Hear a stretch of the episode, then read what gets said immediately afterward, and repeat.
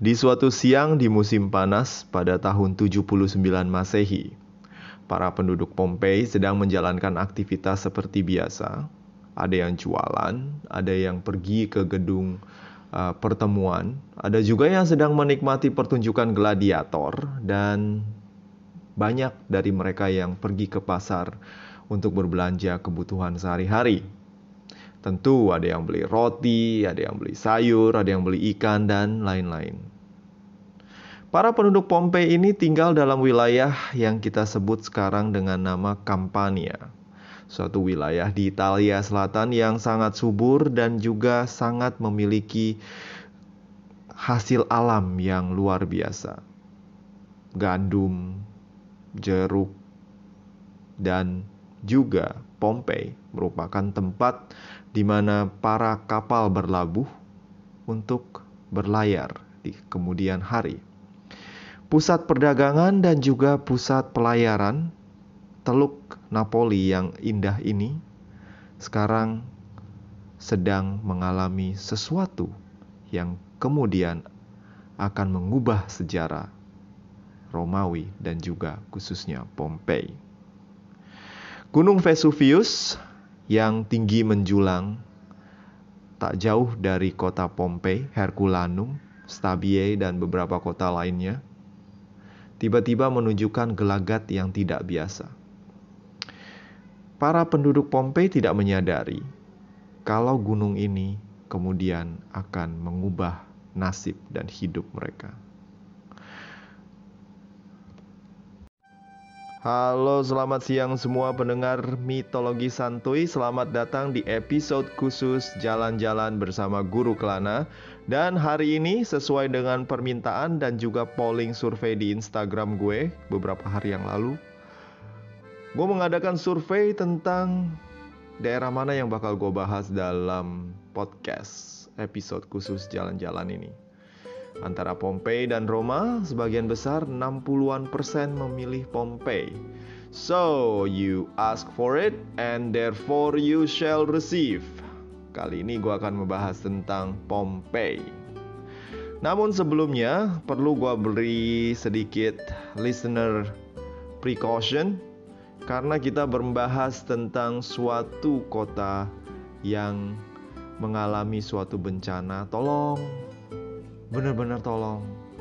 Jangan masukkan pemikiran-pemikiran azab terhadap kota yang mengalami nasib yang sangat um, sangat sangat buruk ini.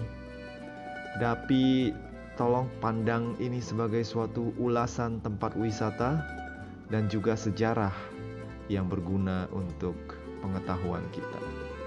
So keep out from azab Alasan gue kenapa ngomong seperti ini karena ketika gue bikin tentang postingan ini di beberapa forum dan juga di blog pribadi gue banyak sekali beberapa self-righteous religious people yang selalu menghakimi kota Pompei dengan hujaman kata-kata azab religius yang menurut gue sangat tidak pantas karena kota ini benar-benar mengalami suatu musibah kemanusiaan saat itu. Dan apalah kita sebagai sesama manusia menghakimi manusia lainnya hanya karena mereka tidak sealiran dan tidak sepandangan religi dengan kita.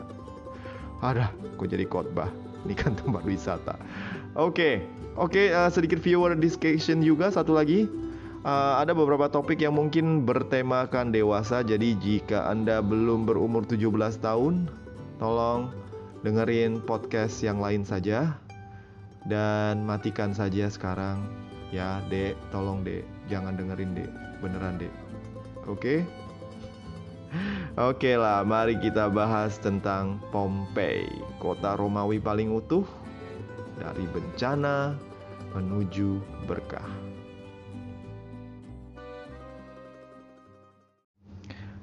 Nah, untuk mencapai Pompei, lu perlu pergi ke Italia dulu. So, booking tiket, terbang sampai di Itali. Biasanya mungkin lu sampai di Roma. Dan dari Roma lu bisa naik kereta ke Pompei atau lu naik bis atau mungkin kalau lu borju dan punya banyak duit untuk dibakar naik taksi. Tapi gue saranin mendingan lu coba naik kereta saja karena kereta di Italia itu keren banget dan benar-benar bikin uh, lu nyaman. So di tahun 2015 gue pernah uh, pertama kalinya ya, soalnya gue udah pernah ke Napoli itu dua kali, ke Pompei juga dua kali. Sekali waktu gue pergi sendiri dan sekali lagi ketika gue pergi bawa sinyonya bareng gue waktu itu. So pertama kali gue tuh naik kereta ke stasiun Napoli Centrale di Napoli. Naik kereta yang namanya Fresia Rosa dan harganya, aduh gue lupa deh. Pokoknya lu bisa cari di Google. Harganya udah beda banget karena gue pergi lima tahun yang lalu. Kereta ini nyaman dan merupakan kereta yang cepat, ya kereta cepat dari Itali.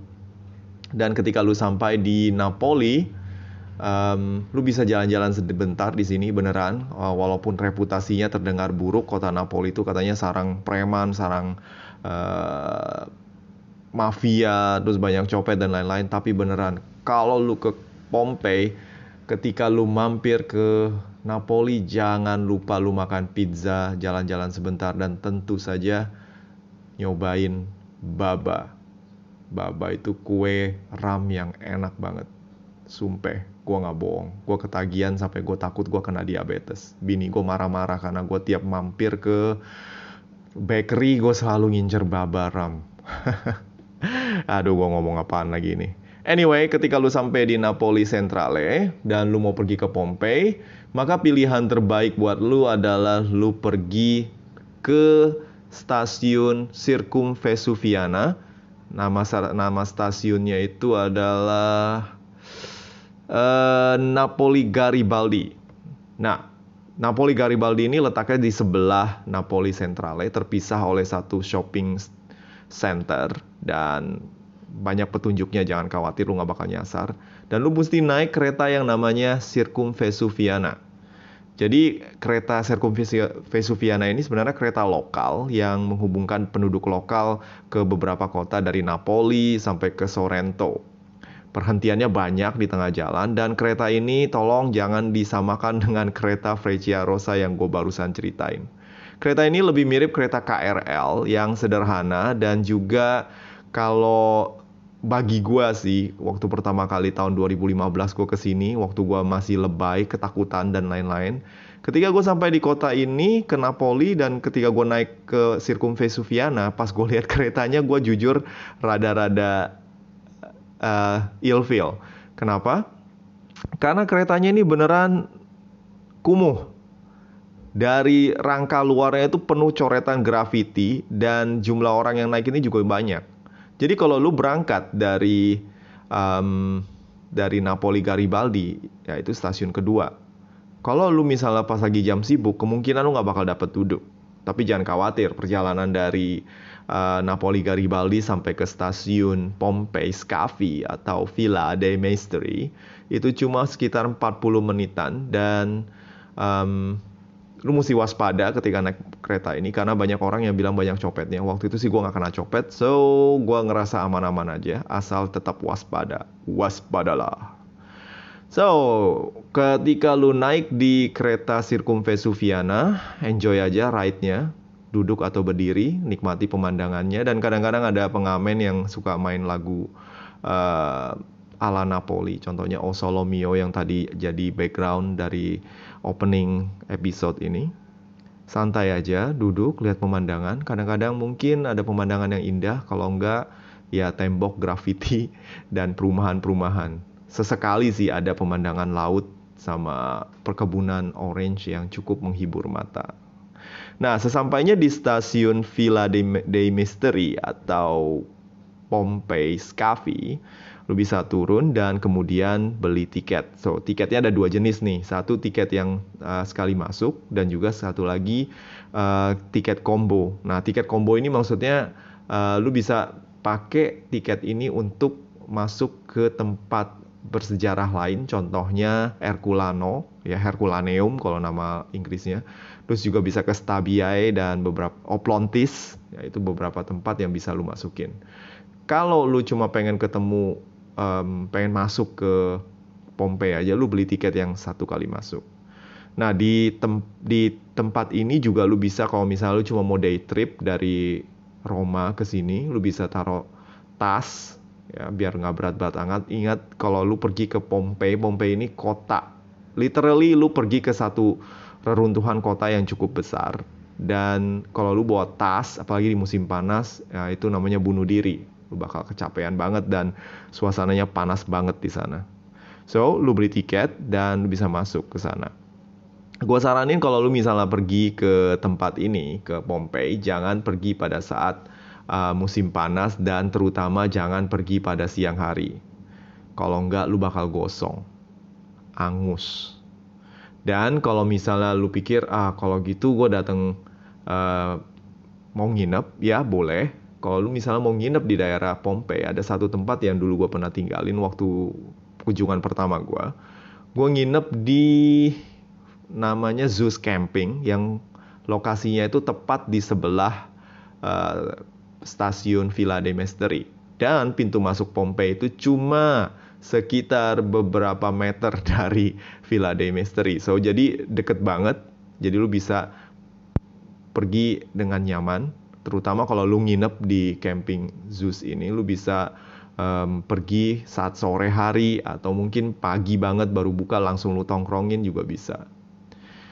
Nah, tentu gue bahas apa lagi ya? Oh ya, benar. Kalau lu mau masuk ke tempat ini pada musim panas, gue saranin lu datang sekitar jam 3 sore atau mungkin jam 2 lah. Sebab kalau di musim panas dia tutup sekitar jam 7 malam. Jadi kalau tempat ini luar biasa besar dan lu PM yang pecinta sejarah kayak gue, lu bakal ngabisin waktu bisa seharian di sini. Gue aja waktu itu kayaknya sekitar 6 jam ada di dalam sampai ada bunyi sirine yang nyusur yang ngusir gue pulang. Dan kalau misalnya nggak ada sirine juga mungkin gue bakal nongkrong di situ sampai malam kali. Well, jangan. Karena kalau lu nongkrong sampai malam, lu kemungkinan bakal tinggal di satu kota yang kosong. Dan kalau ketahuan sama polisi, ya mungkin lu bakal diusir keluar. Kalau enggak, siap-siaplah. Mungkin hal-hal yang mistis akan menghampiri Anda. Haha, ya, just kidding. Anyway, uh, waktu itu gue pergi sampai jam 7 malam kalau nggak salah. Dan ketika gue pulang, gue langsung sampai ke sus camping dan gue tidur. Cukup tempat yang nyaman, ada tamannya, gue bisa cuci baju dan rendam lalu di jemur di sana. Ingat, matahari di daerah Mediterania pada bulan Juli dan Agustus itu intens banget. Jadi kalau misalnya lu suka cuci baju, tinggal jemur aja, nggak usah pakai laundry, lu bakal hemat duit. Oke? Okay? Bagi pecinta sejarah seperti gue, um, Pompei ini merupakan satu harta karun. Kenapa? Karena walaupun um, banyak peninggalan sejarah Romawi di sekitar Mediterania, Pompei ini merupakan satu kota utuh yang seperti seolah-olah merupakan kapsul waktu. Apa tuh maksudnya? Nah, kota ini ya, seperti yang gue bilang di prelude tadi, waktu tahun 79 Masehi, kota ini benar-benar mengalami suatu masalah kemanusiaan sekaligus bencana. Karena gini loh, jadi um, pada tahun 79 Gunung Vesuvius itu meletus Lalu penduduk kota ini bingung, loh kok kenapa gunungnya meletus? Emang itu gunung berapi ya? Mereka nggak nyadar kalau itu gunung berapi. Jadi ketika meletus dan keluar asap dan debu, debunya itu kena pompe duluan. Jadi debunya turun dan para penduduk ini masih bingung apakah mesti pergi atau tidak. Lalu bagi orang-orang yang mungkin lebih cerdik ya, mereka langsung melarikan diri, naik kapal terdekat, langsung kabur, dan buru-buru pergi. Namun, banyak yang tidak pergi karena menganggap ini cuma, ya, mungkin uh, gunung ini meletus, keluarin asap, debu, udah selesai. Namun, mereka tidak sadar kalau ternyata gunung ini terus mengeluarkan materi berbentuk debu yang kemudian semakin lama itu semakin kencang. Semakin kencang dan semakin intens dan lama-lama uh, ketika penduduk ini berusaha melarikan diri, mereka sudah terlambat. So apa yang terjadi selanjutnya? Debu-debu ini kemudian mengakibatkan langit di sekitaran Pompei itu gelap. Debu ini terus turun dan kemudian uh, menghantam atap dari perumahan mereka. Banyak yang berusaha kabur, cuma kebanyakan dari mereka ketimpa sama debu-debu ini. Walaupun namanya debu, mereka ini mengalami masalah yang luar biasa dalam hal bernafas karena coba aja lu kalau misalnya di um, tempat yang lagi kayak misalnya ada bangun rumah dan banyak debu lu pasti nggak tahan kan apalagi dengan kondisi debu yang bercampur dengan panas, lalu banyak. Banyak dari penduduk mereka ini yang kabur dengan menggunakan bantal di atas kepalanya, berusaha kabur, tapi akhirnya ketimpa oleh debu-debu ini. Dan banyak juga yang terkurung dalam rumah dan akhirnya meninggal karena atap rumah mereka itu nggak bisa uh, menahan beban dari para dari abu-abu yang jatuh itu. So, apa signifikansinya peristiwa ini? signifikansinya gede banget. Kenapa? Karena letusan gunung abu, gunung api ini kemudian mengakibatkan kota ini benar-benar tertutup oleh abu dan penduduknya juga di dalamnya ketutup. Nah, dalam sejarah belum pernah ada satu kota yang tertutup oleh abu debu dan kemudian ditemukan dengan kondisi yang masih sangat bagus seperti Pompei. So, pada tahun 1599, Pompei ini ditemukan secara tidak sengaja oleh seorang yang berusaha bikin sumur dan ketika mereka ketika orang ini menggali dan menggali mereka dia malah menemukan satu reruntuhan dan ketemu makam yang tulisannya Pompei. Lalu mereka sadar kalau wah kita ketemu kota yang udah lama hilang ini. Walaupun mereka berhasil menemukan, tapi belum ada usaha untuk ekskavasi sampai tahun 1748. Jadi uh, saat ini ya, uh, you know, daerah Napoli ini banyak peng, uh, penguasanya silih berganti dan pada saat itu uh, pengusaha kalau nggak salah ya, ya correct me if I'm wrong, uh, penguasa saat itu adalah orang Spanyol yang kemudian mengadakan satu proses ekskavasi besar-besaran Pertama, ketika mereka eksavasi, mereka menemukan bangunan-bangunan ini cuma dicuekin. Mereka cari harta. Dan secara ketemu, lalu mereka sadar bahwa ada sesuatu yang sangat unik di sini. Yaitu ketika mereka mencoba menemukan kerangka manusia, mereka melihat ada rongga. Ada satu rongga di antara kerangka manusia ini. Lalu satu orang Italia yang cerdas mencoba mengisi rongga tersebut dengan plaster plaster itu kayak semacam uh, you know materi kayak semen gitulah.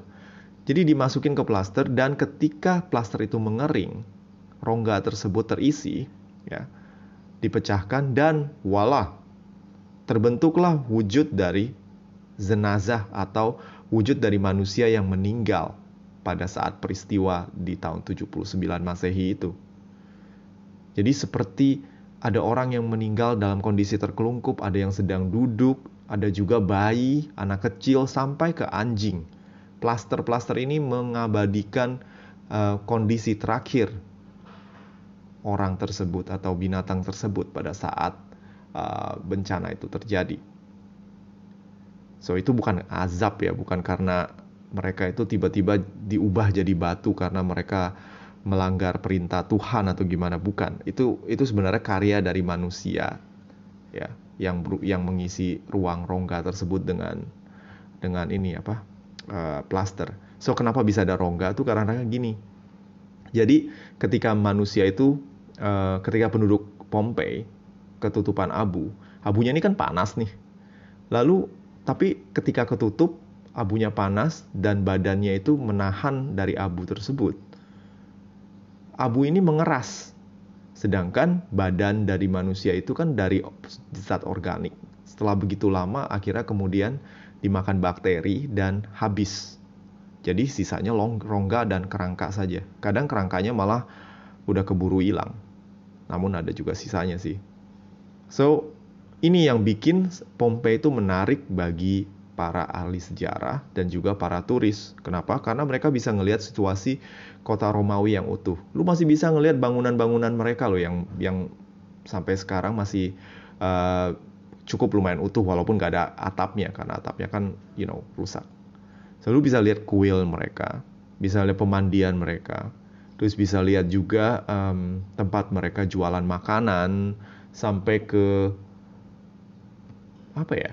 Ah, sampai ke teater, teater dan juga amphitheater. Di amphitheater ini dulu banyak pertandingan gladiator. You know, daerah Campania ini terkenal memang uh, sebagai kontributor para gladiator. Tahu gladiator nggak?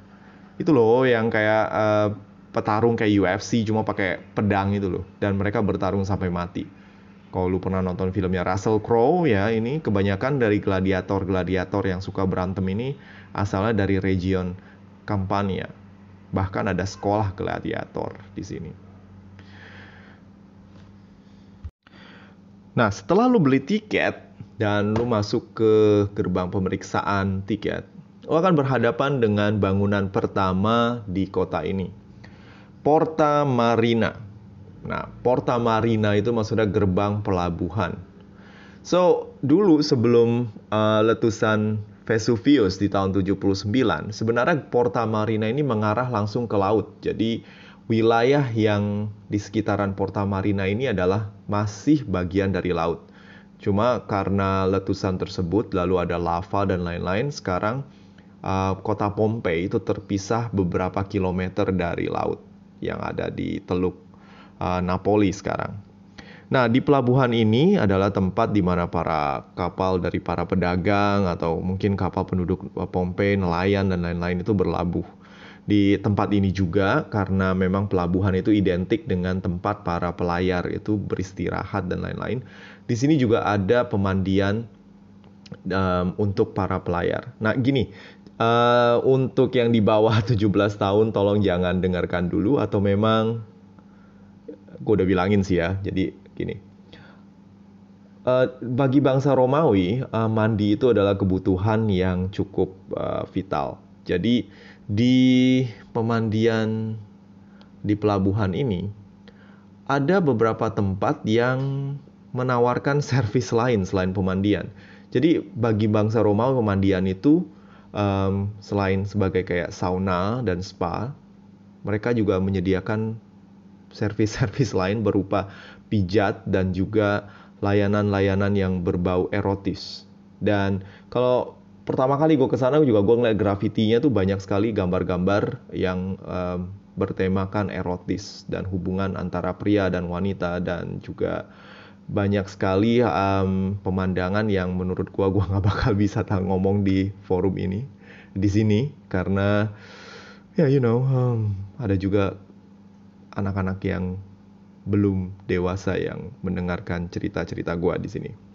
So um, di bath ini ya ada beberapa tempat di mana lu bisa ngelihat uh, tempat mereka sauna, tempat mereka berendam dan juga tempat mereka ganti pakaian yang masih utuh. Nah, setelah melewati Porta Marina dan oh ya lupa gue. Porta Marina ini gerbang yang berbentuk dua pintu. Jadi ada satu pintu yang lebih besar yang tempat yang memang untuk uh, kereta lewat. Dan satu lagi gerbang lebih kecil yang untuk tempat orang lewat. Dan ketika lu melewati gerbang ini, lu akan sampai di jalan utama Pompei. Dan jalan utama Pompei ini standar Romawi. Jadi jalan yang sangat kuat dan ada bagian untuk uh, pedestrian alias jalan kaki yang ada di kiri dan kanan dan juga untuk yang uh, umum. Dan jalan umum ini orang juga bisa lewat dan juga bisa untuk para kereta lewat. Gue masih bisa ngelihat sisa dari uh, jalur kereta. Kan kalau batu itu kalau dikikis oleh roda dan terus-terusan itu ada bentuk uh, alur keretanya. So jalan Romawi ini sangat kuat dan utuh dan juga um, orang Romawi zaman dulu itu kan pinter ya kalau bangun sesuatu. Dan yang unik dari jalanan ini, di tiap jalan ini ada semacam serpihan uh, batu marmer putih. Dan gue pikir ini cuma hiasan, tapi ternyata uh, dari buku yang gue baca, Serpihan marmer ini fungsinya itu untuk merefleksikan cahaya. Jadi kayak uh, misalnya kalau lu jalan malam nih, dan waktu itu kan memang belum ada listrik dan lain-lain. Cuma ada obor atau mungkin ada lampu dari bulan aja. Eh lampu dari bulan, sinar dari bulan aja. Dan kalau misalnya lu jalan, ini bentuknya tuh kayak nyala gitu loh. Uh, marmer ini kan memantulkan cahaya. Jadi di jalan yang hitam itu ada bintik-bintik-bintik putih-putih. Jadi lu nggak bakal ngerasa kayak jalan dalam kegelapan total. Jadi lu bisa ngelihat uh, jalan karena ada bering apa pecahan marmer putih ini. Nah, ketika lu jalan terus, lu bakal sampai di satu tempat yang namanya forum. Tapi sebelum sampai di forum, ketika lu jalan di jalan kuno Pompei ini, lu akan ketemu tiga batu pijakan di setiap jalan. Jadi jalannya Pompei ini unik. Dia itu ada jalan berbatu, terus di sebelah kiri dan kanan jalan tersebut itu ada jalan untuk pejalan kaki. Dan ketika lu mau nyebrang dari satu jalan ke jalan lain, itu dia ada batu pijakan. Nah, batu pijakannya ini gunanya untuk apa? Kenapa orang nggak nyebrang aja langsung? Karena jalanan Romawi itu beneran uh, walaupun modern untuk zamannya masih gimana ya? Uh, ada sampah dan kadang-kadang orang Romawi itu pakai air untuk nyirem itu sampah ke jalanan sehingga kalau misalnya orang-orang Romawi yang waktu itu belum pakai sepatu masih pakai sendal itu takut basah. Jadi kalau misalnya dia takut basah ya dia dia nyebrang jalannya itu dipijakan. Jadi semacam kayak zebra cross tapi elevated. Walah keren banget elevated. Oke, nah setelah lu sampai ke bulan tengah itu, jadi waktu tahun 2015 itu di forum ini uh, belum ada patung sentor, tapi waktu gue pergi sama bini gue di sini ada ada patung perunggu warna hijau ya centaur ya jadi binatang mitologi yang separuh kuda separuh manusia pegang uh, tombak. Itu berdiri di sini. Cukup bikin suasana rada-rada creepy sih tapi keren. Keren banget. Nah forum ini sebenarnya kalau kita terjemahkan ke bahasa Indonesia itu artinya pasar nah di sini tempat uh, pusat keagamaan perdagangan dan juga politik buat orang-orang Pompei Nah, di sini lu bisa ngeliat satu ruang besar yang namanya piazza dan piazza ini um, merupakan tempat orang jualan. Di depan itu ada kuil Jupiter. Siapa yo Jupiter? Ayo siapa? Jupiter tak lain tak bukan adalah dewa kesukaan kita di mitologi Yunani yang namanya Zeus. So Jupiter dan Zeus itu sama orangnya. Cuma kalau orang Romawi manggilnya Jupiter, kalau orang Yunani manggilnya Zeus. Lu masih bisa ngeliat sisa dari uh, kuil ini. Dan kalau lu teliti, lu bakal bisa ngeliat kepala dari Jupiter yang nongol sedikit di sana. Gue waktu itu pernah berusaha masuk, tapi karena aksesnya terhambat, tidak boleh masuk, gue cuma bisa nengok-nengok doang dari luar. Nah, tak jauh dari Temple of Jupiter ini, ada namanya Basilika Basilika ini gedung pengadilan tempat terjadinya uh, proses hukum. Jadi kalau misalnya ada yang mesti diadili ya di sini. Dan bangunannya itu uh, sekarang diadopsi oleh gereja yang juga bernama Basilika. Jadi kalau lu pernah dengar kok gereja namanya Basilika? Karena itu mengadopsi bangunan Romawi yang berjejer dan memiliki ruang tengah dengan kiri kanan pilar. Nah, itu namanya Basilika. Lalu uh, kalau nggak salah di sebelah kanan tempat lu bisa berfoto ala-ala di sana namanya Kuria. Kuria itu gedung balai kota. Jadi kayak tempat um, kalau misal lu mau ketemu tentang pemimpin, para pembesar negara dan senat itu lu bisa ke sini. Nah, forum yang ada di Pompei ini itu mirip dengan bangunan-bangunan yang ada di zaman sekarang juga. Jadi pikirlah kalau misalnya lu ke forum itu kayak lu ke kawasan Merdeka di Jakarta.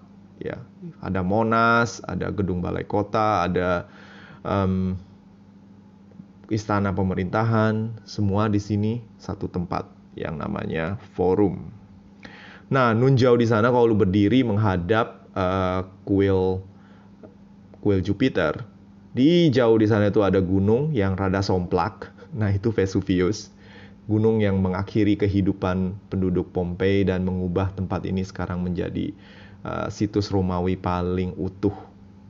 So, gunung ini dulunya itu kagak somplak. Jadi, jadi bentuknya itu masih benar-benar kayak gunung yang digambar oleh Pak Tino Sidin waktu gua waktu gua SD. Benar-benar gunung dan karena ledakan pada tahun 79 itu begitu dahsyat, separohnya itu bagian atasnya itu hilang. Dan akhirnya yang kita lihat sekarang gunung ini somplak. Gitu deh. Nah, Gunung Vesuvius ini gunung yang masih aktif sampai sekarang. Jadi para penduduk daerah Campania ini sebenarnya berada dalam satu kondisi yang cukup mengkhawatirkan. Kenapa enggak? Karena memang um, Gunung Vesuvius ini masih aktif dan suatu saat dia bisa bangun dan kemudian muntah lagi. Alasan kenapa orang-orang di, di sekitaran Pompei ini masih mau tinggal di sini karena tanah di sini itu sangat subur lu nanam apa pun itu pasti tumbuh dengan kondisi yang sangat bagus. Gue pernah pergi ke Napoli, waktu itu gue jalan-jalan sama bini gue waktu honeymoon. Dan kita ketemu orang ya di pasar yang jualan lemon, lemon man, lemon yang segede melon. Sorry jok om-om gue receh banget. Serius beneran, gede banget dan itu menurut gua entah buat dipakai buat apa itu airnya. Tapi besar sekali. Dan bukti kalau daerah sini itu memang subur dan apa pun yang ditanam di sini itu bagus. Dan gue pernah nonton dokumenter tentang Napoli. Dan ketika dijelaskan tentang kondisi Vesuvius mereka ya bilang tempat ini terlalu indah buat pergi dan tempatnya subur. Kenapa enggak? Gitu loh. Kenapa nggak tinggal sini? Kan sekarang zaman udah modern. Pasti kita lebih tahu kalau ada warning tentang letusan gunung Gitu deh. Nah, dari forum bisa jalan ke jalan yang merupakan kawasan belanja untuk orang-orang Pompei zaman dulu, namanya Via Abundanza. Nah, di sini jalannya hanya untuk pejalan kaki. Jadi, kendaraan berbentuk kayak e, kereta atau gerobak itu dilarang masuk. Dan cara penduduk Pompei untuk menghalangi kereta masuk itu cukup uh, inovatif. Jadi di ujung jalan itu ada batu gede tiga biji yang bentuknya tuh kayak gigi gigi um, beruang kali ya. Eh kok beruang? Berang-berang ya pokoknya gigi deh. Gigi gede yang nongol di jalan dan dipastikan hanya manusia pejalan kaki yang bisa masuk. Di kiri dan kanan ini banyak toko dan banyak jualan. Kalau sekarang sih udah nggak ada ya, udah nggak ada, bener-bener kosong tapi kalau di zaman dulu ini adalah kota yang uh, tempat yang sangat ramai dikunjungi oleh uh, pembeli. Jadi ada kiri kanan ini ada toko dan lain-lain. Ah, ngomong-ngomong soal toko, um, Pompei ini di zaman Romawi terkenal dengan uh, produk utama mereka yaitu garum. Nah, ada yang tahu garum? Nggak tahu dong, taunya garam. Garum itu kecap ikan jadi uh, ikan yang difermentasikan dikasih saus dan lain-lain, terus disimpan beberapa minggu atau mungkin bulan dan kemudian dimasak eh nggak dimasak ya, dijadiin kondimen. Jadi kalau misalnya lu cocol-cocol itu uh, itu pakai garum kalau zaman dulu.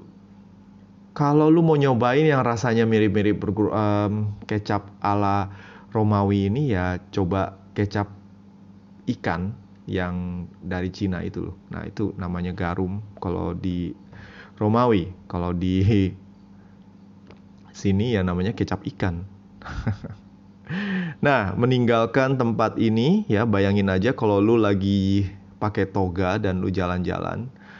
Lalu mungkin lu berasa gerah dan kemudian lu berjalan melewati forum dan lu bakal sampai di tempat yang namanya Bath of Forum alias pemandian di forum.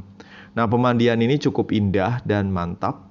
Tempat ini dipisahkan untuk cowok dan cewek.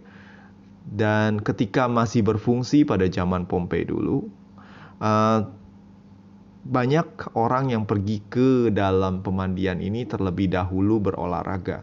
Jadi ada tempat yang namanya gymnasium ketika mereka tuh di sini bisa berolahraga, mungkin ada olahraga lari atau mungkin mereka bisa angkat berat. Gua nggak tahu mereka angkat berat apa enggak, yang jelas mereka olahraga dan ketika mereka berkeringat, mereka pergi ke pemandian ini. Nah, uh, gue bahas sedikit tentang pemandian Romawi ya, jangan bosen ya. Salah sendiri lu mau dengerin. Jadi pemandian Romawi ini um, ada beberapa bagian. Jadi dari pertama, bagian pertama itu ada yang namanya uh, kaldarium. Itu pemandian air panas dan fungsinya ini seperti sauna. Dan mereka ini orang Romawi ini pintar. Mereka ini menggunakan um, air panas. Uh, di bawahnya itu dipanasin kayak Turkish bed sekarang. Jadi ada marble dan mereka bisa masuk terus berkeringat gitu.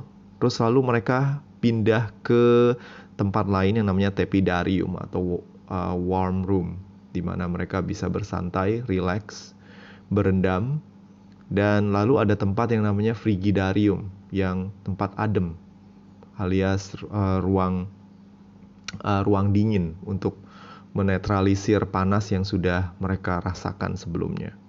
Dan ada juga ruang berganti baju. Dan di tiap bangunan ini uh, banyak sekali hiasan hiasan-hiasan yang benar-benar menurut gua uh, kalau pada zamannya mengingatkan kita pada tempat-tempat uh, modern sekarang. Jadi ada patung, ada air mancur dan hiasan-hiasan uh, tembok yang beneran bikin lu nyaman dan betah. So, setelah mandi, bersih, eh gue lupa nambahin sesuatu. Um, orang Romawi itu juga dia itu nggak nggak punya belum kenal sabun ya. Parfum ada tapi kalau sabun belum. Jadi kalau mereka mau ngelepasin daki dari badannya mereka itu pakai satu alat rogam yang bentuknya itu kayak uh, kayak hook. Kayak ya kayak hook tau hook dong. Dan dia tuh disuruh budak. Itu ngorek ngorek ngorek ngorek kulitnya dakinya dikeluarin semua terus lalu dibilas jadi ingat ke Turkish bath gitu loh. Kalau Turkish bath kan dia pakai sarung tangan digosok-gosok. Nah kalau ini dia pakai uh, logam ya hook logam. So lu udah mandi udah seger udah ganteng udah cakep apa yang lu lakukan sekarang? Makan. Nah Hal unik yang bisa didapat dari pergi ke Pompei adalah lu bakal sadar kalau hidup orang pada zaman dulu dengan zaman sekarang itu nggak jauh beda. Jadi um, karena Pompei ini sebenarnya kota yang lebih kelas bawah dan orang-orangnya itu mungkin nggak punya dapur di rumah. Jadi kalau mereka mau makan, mereka akan pergi ke tempat yang namanya termofilia. Nah, termopolia atau gimana deh cara nyebutnya. Nah, Thermopolia ini adalah restoran fast food. Jadi mereka tuh ada kayak semacam hmm, bilangnya apa ya? Uh, warteg lah kayak gitulah. Jadi ada tempat mereka kasih lihat makanannya, biasanya ditaruh dalam satu tempayan dari tanah liat dan lu bisa lihat itu makanannya apa dan lu langsung beli dan makannya di tempat. Ada tempat duduknya dan lain-lain, tapi kalau misalnya lu mau bawa pulang juga bisa. Biasanya uh, dimakan dengan roti dan mereka langsung pergi. Nah, waktu gue pergi ke sana ya gue iseng-iseng lah foto ala orang-orang jualan ya gitulah norak norak norak. nah, tak jauh dari Thermopylae atau tempat jualan uh, makanan fast food ini, uh, lu bisa pergi ke satu rumah yang namanya Casa del Poeta Tragico atau terjemahannya dalam bahasa Inggris adalah House of Tragic Poet. Nah, um, jadi gini, bangsa uh, para ilmuwan atau para arkeolog yang menemukan tempat ini itu menamakan eh, tempat-tempat uh, atau bangunan-bangunan yang mereka temui ini dengan uh, apa yang spesifik yang mereka temukan di sana. Dan kebetulan Tragic Poet ini karena mereka bertemu dengan mosaik dan juga untayan puisi jadi mereka ngelihat oh ya udahlah kita namain ini um, House of Tragic Poet atau rumah seorang puisi yang tragis, seorang pujangga tragis gitu. Kalau mereka ketemu rumah ada sendal yang terfosilisasi satu. Rumah sandal fosil. Mungkin kayak gitu. So, uh, di House of Tragic uh, House of Tragic Poet waktu itu gue nggak bisa masuk karena uh, mungkin lagi direkonstruksi atau gimana. Tapi hal yang unik dari rumah ini adalah di halaman depannya itu ada gambar anjing, terus ada tulisan uh, Cafe Canem yang artinya awas anjing galak. So um, zaman orang zaman dulu orang Romawi juga peduli terhadap sesama ya. Jadi kalau mereka punya anjing, mereka bikin mosaik di bawah tulisan awas anjing galak.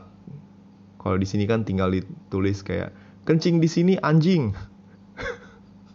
Sorry. Jadi gitu deh.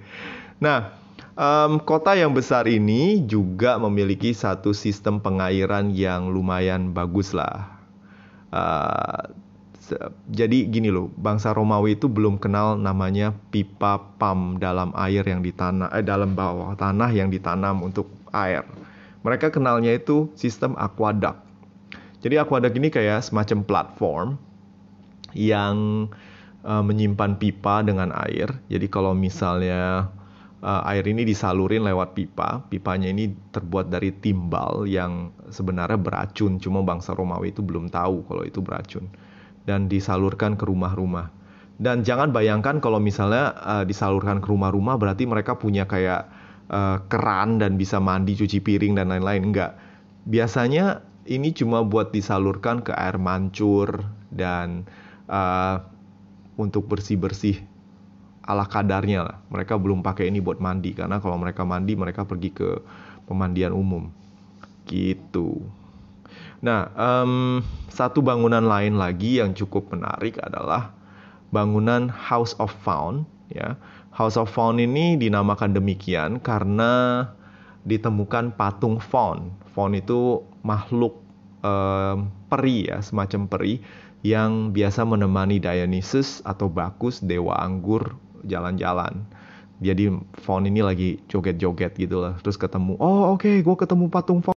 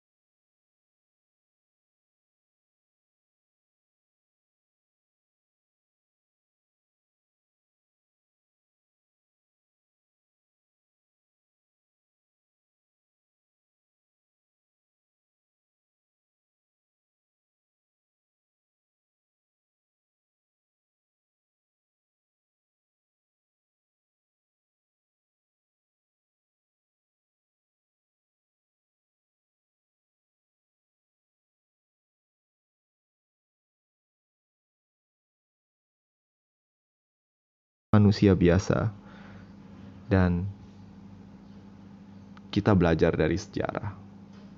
Moralitas adalah tanggung jawab masing-masing. Oke, apalagi ya? Oh ya, jadi um, waktu gue pergi ke Pompei ini, gue sempet nyasar, nyasar jauh sampai ke satu tempat yang penuh dengan kuburan atau sarkofagus dan gue nggak nyadar tempat ini apa. Ternyata memang itu adalah nekropolis alias kuburan. Jadi kalau misalnya lu jalan agak jauh sampai ke tepi tembok kota, lu bakal bisa bertemu dengan uh, tempat-tempat uh, ini, kuburan-kuburan ini. Dan jarang banyak orang yang ke sini. Dan kalau lu susuri terus, lu bakal sampai di satu tempat yang namanya teater. Dan lu bisa ngeliat satu gedung teater yang merupakan tempat di mana para penduduk menikmati pertunjukan gladiator atau pertunjukan drama. Dan tak jauh dari sini konon ditemukan um, satu apa ya satu fosil bukan fosil satu kerangka dua orang pasangan cowok dan cewek. Yang cowok itu ternyata orang uh, gladiator. Dan yang cewek adalah satu uh, wanita ningrat. Karena dilihat dari peninggalan um, emas dan permata yang dia bawa. Tampaknya sepertinya ada semacam hubungan antara gladiator dengan wanita bangsawan ini. Mereka kabur bersama dan kemudian tewas. Terkena abu, terjangan abu dari Vesuvius. Wow, cinta dikala bencana. Wah, gile gue ngomong panjang banget. Mungkin ini seri yang paling panjang yang pernah gue bikin. Ya, so um, kenapa gue tiba-tiba tertarik dengan Pompei ini karena memang gue lagi nyari ide buat nulis dan kemarin ketika gue bengong dan gue lihat YouTube tiba-tiba inspirasi gue kembali untuk bikin uh, podcast tentang Pompei dan nulis ulang tentang Pompei retrace lagi tentang perjalanan gue selama gue pergi ke Italia uh, tahun 2015 dan tahun 2018 dan kebetulan memang um, dari situs uh, yang Romawi yang pernah gue kunjungi memang Pompei ini yang paling spesial dan akhirnya gue bikin juga. I hope you like it ya uh, dan sedikit saran buat gue kalau misalnya ke Pompei jangan lupa tinggal di Napoli. Napoli juga satu tempat yang benar-benar unik dan kalau lu tipe orang yang suka adventure, um, kehidupan urban yang tidak semerta-merta gemerlap dan mewah, lu mesti pergi ke Pompei. Eh mesti pergi ke Napoli. Tinggal di Napoli dan nikmati uh, keramahan Italia Selatan, tapi tetap waspada, sayang jangan ngaco ya, karena di sini juga um, gimana ya, beda dengan Eropa pada umumnya. Walaupun um, terletak di Eropa. Lupain deh semua konsep uh, gambaran Eropa yang uh, maju dengan you know bangunan-bangunan bersejarah dengan kondisi jalan yang ramai, tetap bersih dan modern. Pergilah ke Naples dan ubah semua mainframe lo. Dan lo bakal yakin kalau misalnya Eropa itu juga nggak jauh-jauh beda sama kita juga. Dan yang paling mantep dari Napoli adalah lu bisa makan pizza margherita. Dan Napoli itu tempat lahir dari pizza loh. So, kalau lu mau ngerasain suasana otentik, pergilah ke Napoli, makan pizza, minum kopinya di Grambrinus atau seperti gue yang ketagihan babaram. Ah, jadi kangen. Oke deh, itu dulu ya teman-teman. Semoga lu suka. Kalau misalnya lu ada pertanyaan tentang Pompei atau wisata di sini, lu bisa hubungi gua di gurukelana007 gmail.com atau lu bisa hubungi gua juga di uh, Instagram gue atau mungkin ke Facebook page gue Guru Kelana. So that would be all. Have a nice day, and I'll see you on the next episode. Bye.